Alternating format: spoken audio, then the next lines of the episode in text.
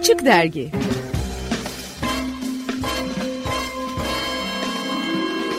İş Sanat'ın sunduğu Açık Dergi devam ediyor.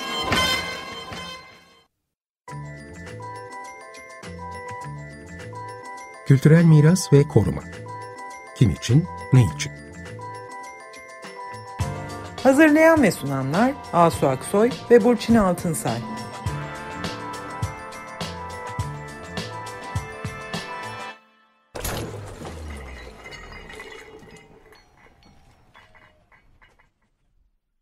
Merhabalar ben Asu Aksoy. Merhabalar ben Burçin Altınsay. Bugün 18 Nisan, 18 Nisan Uluslararası Anıtlar ve Sitler Konseyi yani İKOMOS'un Dünya Anıtlar ve Sitler Günü olarak ilan ettiği bir gün. Bugün e, dünyanın dört tarafında anıtlar, sitler, kültürel miras kutlanıyor. Bunun için çeşitli etkinlikler yapılıyor. Her sene bir tema seçiliyor bu günü kutlamak için. Bu senenin teması da kültürel miras ve iklim olarak seçildi. Gündemdeki konumuz bu olduğu için. Biz de Türkiye İKOMOS'u olarak bu akşam bir e, çevrim içi etkinlik yapıyoruz. Bir panel toplantısı yapacağız. Biraz sonra hatta 8'de başlayacak. Kültürel miras ve iklim ilişkisini ortaya koyacağız. Bu konuyu açacağız. Herkese duyuralım buradan. E, Zoom üzerinden katılabilirler.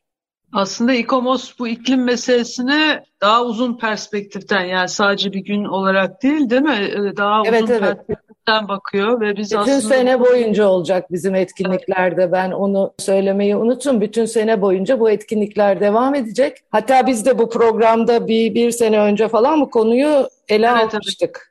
Konuşmuştuk. Ee, Bayağı ayrıntılı bütün yönleriyle bu 25 dakikalık programımızda bakmaya çalışmıştık. Bu akşamki İKOMOS toplantısı da aslında paneli de çok önemli olacak hakikaten. Çünkü iklim krizi yani kültür mirası üzerinde çok farklı boyutlarıyla ele alınması gereken bir konu ama biz bu akşam iklimden ziyade önemli bir kampanyanın olumlu sonucunu e, ele alacağız. Ee, yani Türkiye'deki kültür mirasımız açısından e, çok önemli bir e, kazanım, bir sevindirici bir gelişme var. Bunu konuşacağız Burçin. Evet onu yapalım dedik. Çünkü Dünya Anıtlar ve Sitler Günü'nü de böyle sevinçli bir, sevindirici bir haberle biz de böyle kutlayalım istedik programımızda. Konumuz bu akşam Lazos Sarayı. E, Bu Lazos Sarayı kalıntıları Sultanahmet bölgesinde. Bunların üzerinde 2009 yıllarından beri e, bir e, demir konstrüksiyonlu geçici olduğu e, söylenen bir sahne konstrüksiyonu vardı.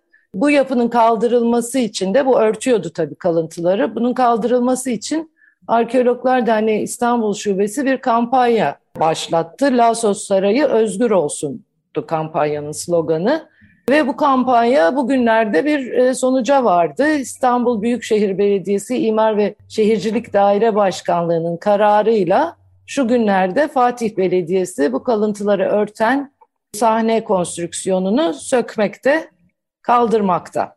Bu konuyla Evet. ilgili de e, Arkeologlar Derneği İstanbul Şubesi Yönetim Kurulu üyesi olan bu kampanyanın da öncülerinden olan Yiğit Ozar konuğumuz. Evet, hoş geldin Yiğit. Ee, Hoş geldin Yiğit. Hoş bulduk. Teşekkür ederim davetiniz için. Evet Yiğit, e, hoş geldin. Bir hemen Yiğit'i tanıtalım. Yiğit Ozar 2008 yılında İstanbul Üniversitesi Arkeoloji bölümünden mezun oldu. Ve ardından çeşitli koruma, onarım, planlama ve kentsel arkeoloji projelerinde arkeolog olarak çalıştı. Ee, Arkeologlar Derneği İstanbul Şubesi'nin eski başkanıydı. Şimdi de yönetim kurulu üyesi. Yiğit evet e, tekrar hoş geldin. Hoş bulduk. Teşekkür ederim davetiniz için. Ee, Lazos Sarayı'nın özgürleşmesiyle ilgili yürüttüğümüz kampanyanın e, sonuçlandığı günlerin 18 Nisan Dünya Anıtlar ve Sitler Günü'ne denk gelmesi bizim için de oldukça motive edici bir e, tesadüf oldu. E, Arkeologlar Derneği İstanbul Şubesi'nin e, kutlama mesajını da bu haber iletmek istedik sizlere. Evet, şimdi hemen aslında girelim. Yani bu Sultanahmet'te bulunan Laosos Sarayı kalıntıları tam olarak nerede ve siz bu kampanyayı 2018 yılında başlatmışsınız. Ama bunun tabii bu bu kalıntıların üzerinin kapatılması daha uzun bir şey süreç. Bu kampanya neden ortaya çıktı? Ne oldu? Kısaca bir anlatır mısın? Tabii Lazos Sarayı kalıntıları aslında e, Ayasofya yakınlarında hipodrom, e, eski Sultanahmet'teki Adliye Sarayı, e, Binbir Direk Sarnıcı, Divan Yolu olarak bilinen antik dönemin kentin ana aksını oluşturan Messe'nin e, arasında kalan bir e, arkeolojik alan. Bugün e, Mehmet Akif Ersoy Parkı'nın sınırları içerisinde kalıyor sarayın kalıntıları. Arkeologlar Derneği İstanbul Şubesi'nin gündemine de 2018 yılında koruma kurullarıyla yaptığımız yazışmalar sırasında girdi. Ee, burada çünkü Fatih Belediyesi tarafından inşa edilmiş çelik e, konstrüksiyon üzerine ahşap kullanılarak inşa edilmiş bir sahne yapısı vardı. Bu sahne yapısı saray kalıntılarının algılanmasını tamamen engelliyordu.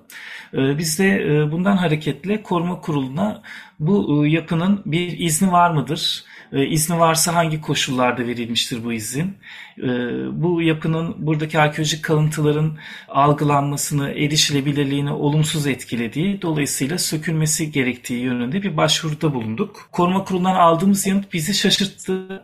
Çünkü e, koruma kurulunun bize verdiği yanıtla 2009 yılından 2018 yılına kadar zaman içerisinde genişleyen bu sahne yapısının aslında kaçak olduğu ve e, bir yerel yönetim tarafından, dönemin Fatih Belediyesi tarafından yasa dışı yollarla inşa edildiği ortaya çıkmış oldu. Ve 2009 yılından 2018 yılına kadar Koruma Kurulu'nun 7 defa bu yapının sökülmesi için hatta ivedilikle sökülmesi için e, kurul diliyle karar aldığını e, kurulun bize verdiği yanıtlarda ve eklerinde görmüş olduk. Ancak Fatih Belediyesi e, bu kararın gereğini yerine getirmemişti.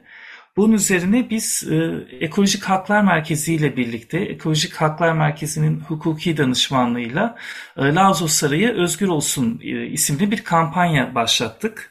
Bu bir e, sosyal medya kampanyasıydı büyük oranda. Hazırladığımız dilekçeleri, koruma kurulu kararının uygulanması yönünde hazırladığımız dilekçeleri e, sosyal medya aracılığıyla paylaşıp yurttaşların da e, bu dilekçeleri doldurarak bireysel başvurularını yapması, bu konuda ilgili kurumlara yapılan başvuruların artırılmasını hedeflemiştik. Gerek yoluyla gerekse kurullara e, resmi olarak iletmelerini istedik. Hem koruma kuruluna hem Fatih Belediyesi'ne hem dönemin Büyükşehir Belediyesi'ne ve de hatta e, Fatih Belediye Meclis üyelerine kadar geniş bir dağıtım listesiyle bu süreçte çok sayıda yazı kalemi alarak resmi yollarla defalarca başvuruda bulunup bu kararın uygulanması için baskı oluşturmaya çalıştık. Sadece başvurularla sınırlı değil, tabii sosyal medyada Lazos Sarayı ile ilgili e, bilgilendirme içeren görsellerin paylaşılması, e, kamuoyunun basın aracılığıyla bilgilendirilmesi gibi çalışmalarla e, destekledik bu çalışmamızı. Evet, aslında evet. bayağı uzun ve şey böyle e, nasıl diyeyim kapsamlı. Meşakkatli bir süreç olmuş, evet. Bu şunu da gösteriyor aslında. Bu kadar görünür olan ve e, olması gereken bir şeyin yaptırılabilmesi için bile ne kadar uğraşmak gerektiğini ve nasıl farkındalık yaratmak gerektiğinin de bir göstergesi ne yazık. Böyle süreçler gerektiriyor sonuca ermesi için. Şimdi tabii Lasos Sarayı'nın kimin sarayı olduğunu da belki biraz söylersin. Çünkü Sultanahmet bölgesi zaten öyle bir alan ki Roma döneminden beri katman katman kültürel varlıklar, kalıntılar var. Onların üzerine sonraki dönemlerde yapılmış yapılar var. Ee, işte bazıları da böyle belli düzenlemelerle sergilenir halde. Bazıları görülebiliyor, bazıları görülemiyor. Ee, böyle bazıları bir, yıllardır kapalı böyle. Bazıları mi? evet kazı sürüyor diye kapalı. Bu çevreyi bir bütün olarak arkeolojik kalıntılar açısından anlatarak e, bunların nasıl sunulması, nasıl sergilenmesi gerektiğini, nasıl ele alınması gerektiğini yorumlar mısın? Tabii. E, şimdi e, Lauzos'tan başlayayım. Lauzos kimdir? E, Lauzos Sarayı e, nasıl ortaya çıktı? Tespit edildi daha doğrusu. Lauzos, e, 2. Theodosius'un e, vezirlerinden, üst düzey yöneticilerinden bir tanesi. Ee, bu sarayın hemen yanında da 2. Theodosius'un bir başka üst düzey yöneticisi olan Antiochos'a ait e, saray kalıntıları olduğunu biliyoruz ki onun da ilginç bir hikayesi var aslında. Lausos e, dönemin önemli e, yöneticilerinden ama daha çok kendi yaşadığı dönemde koleksiyoner kimliğiyle tanınan bir kişi kendisi. Çünkü antik çağın ünlü heykellerini koleksiyonunda topladığını biliyoruz Pheidias'ın Olympia Zeus heykeli, Praxiteles' Kindos Afrodite, Lysippos'un Kairos ve Eros'u gibi antik çağ için oldukça ünlü olan bu heykelleri toplayan bir koleksiyoner olarak tanınıyor. Ve bu heykellerin de e, sarayında yer aldığı e, söyleniyor antik kaynaklarda. Ancak bugün kalıntılarını gördüğümüz ve bizim üzerine kampanya başlattığımız saray 475 yılında çıkan bir yangınla saray harap oluyor ve e, içindeki koleksiyonla birlikte harap oluyor ve aynı yüzyıl içerisinde 5. yüzyılda e, yeniden inşa ediliyor bu yapı. Zaman içerisinde de sarayın belli bölümlerinin e, sarnıca dönüştürülerek kullanılmaya başladığını kazılar sonucunda anlıyoruz. E, bu kazılar da e, 1940'larda e, daha doğrusu 50-52 yılları arasında Adalet Sarayı'nın inşaatı için yapılan e, kazılar Lauzos Sarayı e, bu dönemlerde açığa çıkmaya başlıyor. Bu da ilginç bir dönem. Hem Sultanahmet'in arkeolojik katmanlarını zaman içerisinde nasıl yaklaşımlarla ele alındığını göstermesi açısından.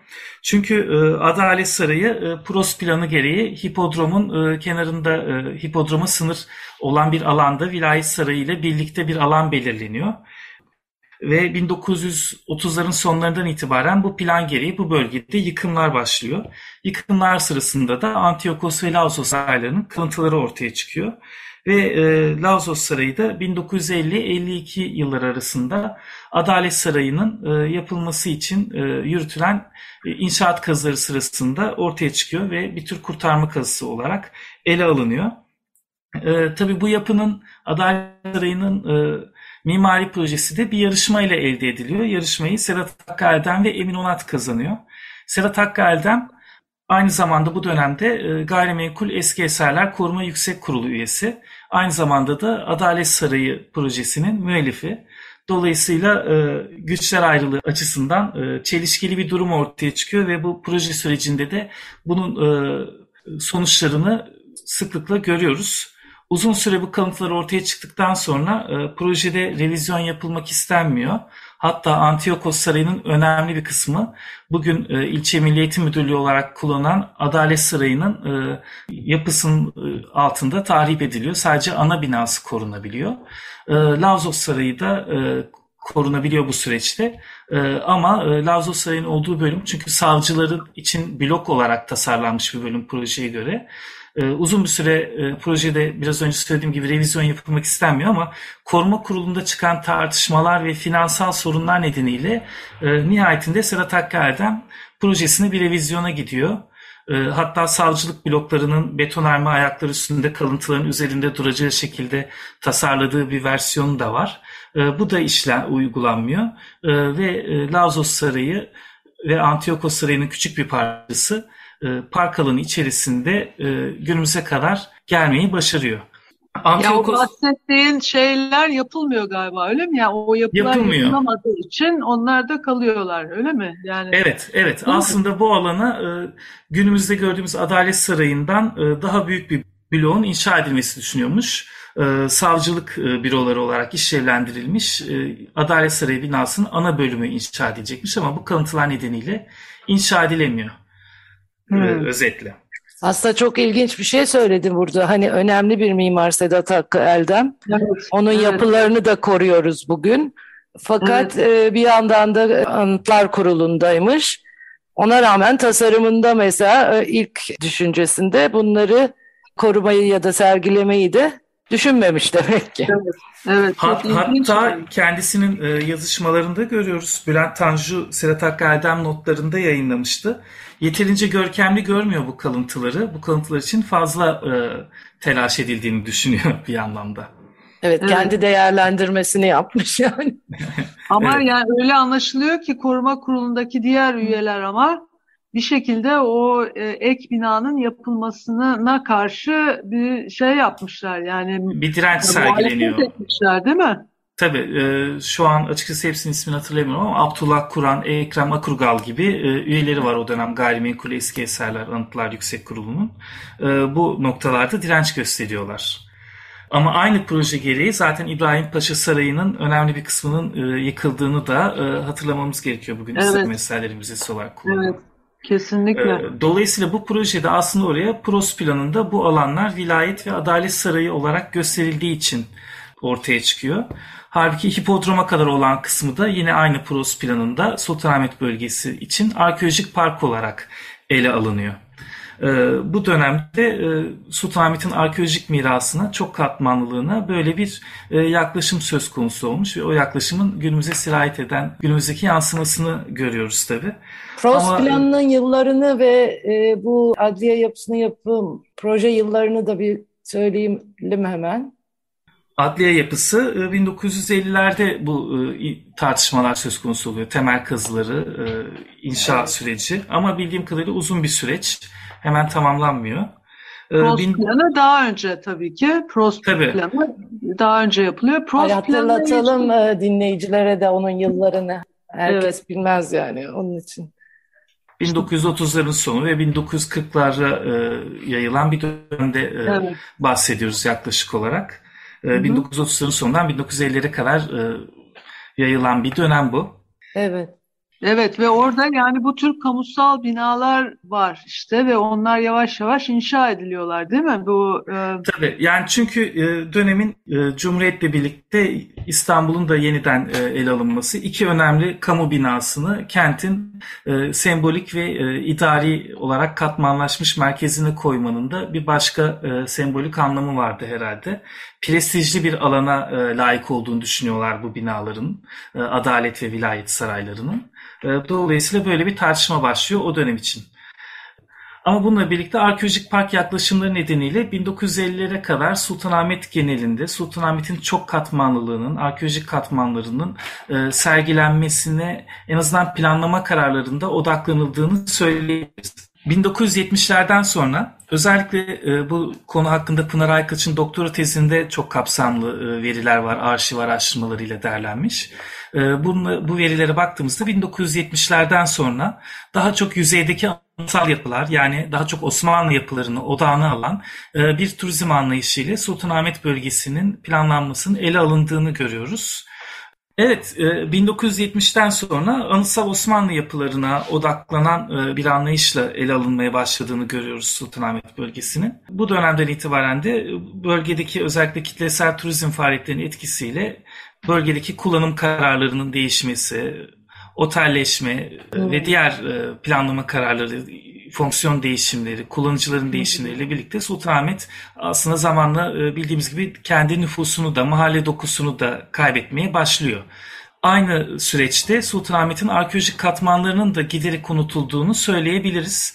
E, bugün Lazos Sarayı örneğinden bahsediyoruz ama Sultanahmet dediğimizde e, Roma-Bizans dönemlerine referans vereceksek elbette ilk aklımıza gelen kalıntı Büyük Saray kalıntısı olacak. Büyük Saray günümüzde Sultanahmet'in iki mahallesini birden e, kapsayan bir kompleks bina aslında 4. yüzyıldan 11. yüzyıla kadar Bizans imparatorları burayı yönetsel merkez olarak kullanmış Büyük Sarayı. E, bu kadar büyük bir alanı Sultanahmet içerisinde günümüzde eğer biliyorsak kalıntılarının yerini ve anlamını e, parça parça kalmış kalıntılarını e, algılayabiliriz. Ama e, bilmiyorsak bunları fark etmemiz zor. En belirgin olanı aslında Topkapı Sarayı'nın girişinde yer alan günümüzde. Bugün de Büyük Saray'ın arkeolojik kazılarla açığa çıkarılabilmiş en büyük bölümünü oluşturan bölüm Four Seasons Otel'in ek bina inşaatlarıyla ek yapı inşa etmesi sonucunda ortaya çıktı. Ee, beraberinde yine bir sürü tartışma getirildi ee, ama günümüzde e, çitlerle çevrilmiş bir şekilde İstanbullulardan koparılmış olarak e, Sultanahmet'te duruyor hala. Bu saray kalıntısının e, Can Kurtaran Mahallesi ve Sultanahmet Mahallesi'nin farklı farklı yerlerinde farklı farklı birimlerine rastlayabiliyoruz. Bir diğer örnek Lazos Sarayı'nın hemen yanında biraz önce sarayı. Antiyokos Sarayı 5. yüzyılda Antiyokos'un gözden düşmesinden sonra kiliseye çevriliyor el konuları ve e, kiliseye çevrildiği dönemde de sarayın bir bölümü kiliseye çevriliyor ve bu dönemde Azize Efemiye'nin e, e, çektiği çilelerin e, betimlendiği freskler yapı bu fresklerle bezeniyor. E, bu fresklerin kalıntıları da 1950'lerdeki kazılarda e, bulunuyor, açığa çıkıyor aslında. Adliye Sarayı'nın otopark alanında kalıyor bu yapı o dönemde. Ve derme çatma bir baraka içerisinde e, sadece yağmur suyundan korunabilecek şekilde yapılmış bir baraka içerisinde uzun yıllar korundu. Bir anlamda da gizlendi aslında. E, sadece bu konuyla ilgili akademik çevrelerin bildiği önemli bir kültür varlığı oysa ki İstanbul'un. E, geçtiğimiz yıllarda buranın onarılması ve sergilenebilir hale getirilmesi için Koç Vakfı sponsorluğunda e, Engin Akyürek yürütücülüğünde Deniz Sevim Aslan'ın da e, müellifliğinde bir e, proje nihayet uygulamaya geçirildi. Bu da bir başka olumlu örnekti ama aynı zamanda aslında Sultanahmet bölgesindeki arkeolojik katmanların ne kadar bu bölgenin günümüze kadarki planlama süreçlerinde, kentsel tasarım süreçlerinde göz ardı edildiğini ve İstanbulluların ve İstanbul'u ziyaret eden e, pek çok e, topluluğun erişiminin e, engellendiğini bir anlamda gösteriyor bize bu örnekler. Hakikaten öyledir değil mi? Yani şimdi Sultanahmet'e gidince en fazla hani biz de turistler de ya da bu konuları böyle ayrıntılı bilmeyenler işte hipodromu biliriz, onu görürüz değil mi? Onun dışında evet. Bizans kalıntıları burası her tarafta bir Hep kalıntı yani. olduğunu e, göremeyiz hemen. Yani sen şimdi böyle anlattığın zaman e, biliyoruz. Dolayısıyla bunların da daha da görünür olması önemli. Elbette İstanbul yani, çok katmanlı bir şehir. Özellikle Sultanahmet. Ee, soralım ki üstteki e, binaları yıkalım demiyor kimse artık hani sonraki dönemlerin de kültür varlığı haline gelmiş, miras haline gelmiş yapıları yıkamayız ama en azından bunun olanak verdiği ölçüde olan kalıntıların da bir şekilde görünür olması gerekir değil mi?